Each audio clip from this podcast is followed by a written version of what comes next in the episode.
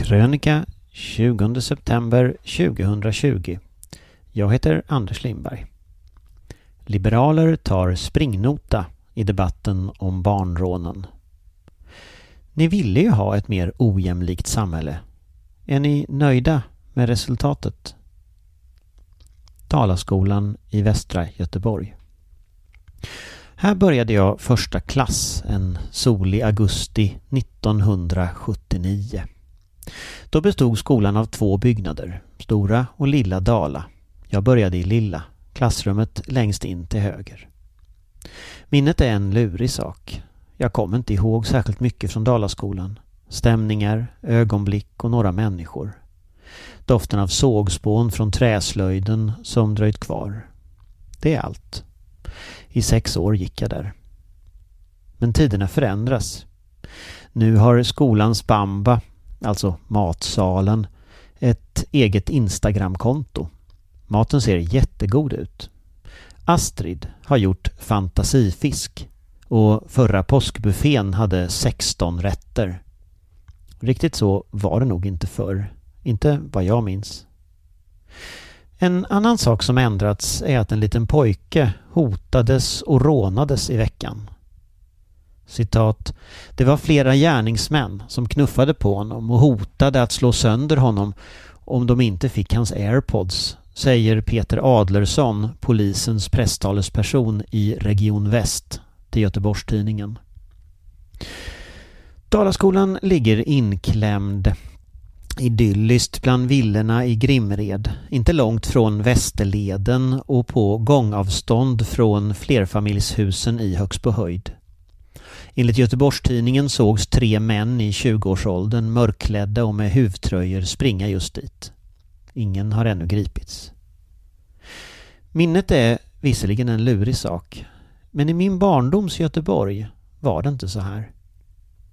Jag vet att statistiken visar hur brottsligheten minskar i hela västvärlden i takt med att befolkningen blir äldre och att risken för att utsättas är mycket liten.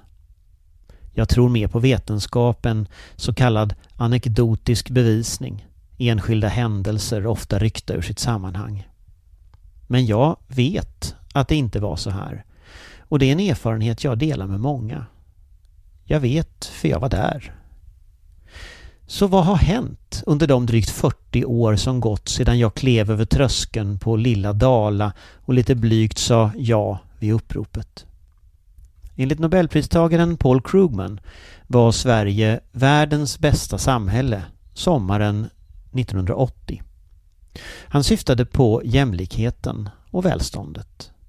En ofta citerad uppgift är att Sverige mellan 1870 och 1970 gick från att vara en fattig europeisk utmark till världens fjärde rikaste land.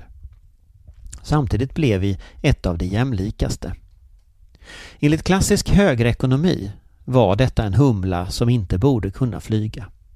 Borgerligheten hävdar fortfarande att jämlikhet och ekonomisk tillväxt står i motsättning till varandra. Därför vill de minska tryggheten, urholka socialförsäkringarna och sänka skatten på höga inkomster. Citat ”Hungriga vargar jagar bäst” som nationalekonomen Marian Radetzky sa i ett klassiskt inslag i tv-programmet Striptease med journalisten Janne Josefsson 1997. Idag vet vi att hungriga vargar även stjäl airpods. Anders Borg sa inte hungriga vargar utan stärkta drivkrafter till arbete. Men den grundläggande idén var densamma. Om klyftorna ökar kommer människor att resa sig ur sjuksängen och börja arbeta. Och från 90-talskrisen har nyliberalismens systemskifte rullat vidare oavsett regering. Resultatet är helt förutsägbart. Vi har underfinansierade pensioner, utanförskapsområden som förfaller och en äldreomsorg med timanställda som inte har råd att vara hemma vid sjukdom. Svensk sjukvård är i ständig kris. Skolan börjar i praktiken sortera barn redan i förskolan och vår a-kassa tillhör numera det sämre i Europa. Det Sverige Paul Krugman hyllade från sommaren 1980 har ersatts av ett land där ojämlikheten ökar mer än någon annanstans i den rika världen. De ansvariga för tankeskiftet är främst Sveriges liberaler och högermän. Socialdemokratins motståndskraft borde ha varit bättre men sedan 1970-talet har arbetsgivarorganisationer och borgerliga partier vräkt propaganda över oss om varför ojämlikhet och klyftor, privatiseringar och skattesänkningar är alla tiders.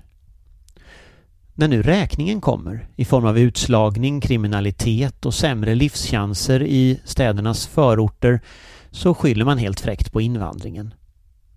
Och svaren från höger är inte bättre integration, fördelningspolitik eller högre kvalitet i välfärden utan rent auktoritära åtgärder. Senaste veckan har dårskapen eskalerat. Moderaterna vill utvisa gängkriminella innan de begått brott och utan rättegång och dom. Som i filmen Minority Report av Steven Spielberg från 2002 där människor sattes i fängelse för framtida brott eftersom staten via sierskor vet vilka som blir bovar. SD har föreslagit snabbutbildade beväpnade polisstyrkor. Liknande folkmiliser brukar annars förknippas med Venezuela eller regimer från Europas historiska soptipp. KD vill bygga fängelser i Somalia för biståndspengar. Var gränsen går för en regering med moderater, sverigedemokrater och kristdemokrater är omöjligt att säga. Vill man göra omelett måste man knäcka ägg är ett uttryck som tillskrivits både Lenin och Stalin. Finns ens någon botten? Rätten till rättvis rättegång? Knäck. Personlig integritet? Knäck. Ådalen 31? Knäck. Självklart finns ett individuellt ansvar hos de som begår brott. Självklart finns ett föräldraansvar. Alla borde kunna lyfta sig i håret som baron von Münchhausen. Lagen är ju lika för alla. Varken den rike eller fattige får stjäla bröd. Men jag tycker liberaler och högermän hycklar så att de slår knut på sig själva. De ville ju detta. Politiken var att skapa ett två tredjedelssamhälle och grattis, ni lyckades. Att utslagning och ökad kriminalitet alltid följer i spåren av ökade klyftor kan inte ha kommit som någon överraskning. Ni visste ju detta. Frågan nu är bara, tänker ni reda upp vad ni ställt till med? Eller fortsätta skylla ifrån er? Ni kan ju börja med att be en liten pojke i Dalaskolan i Göteborg om förlåt.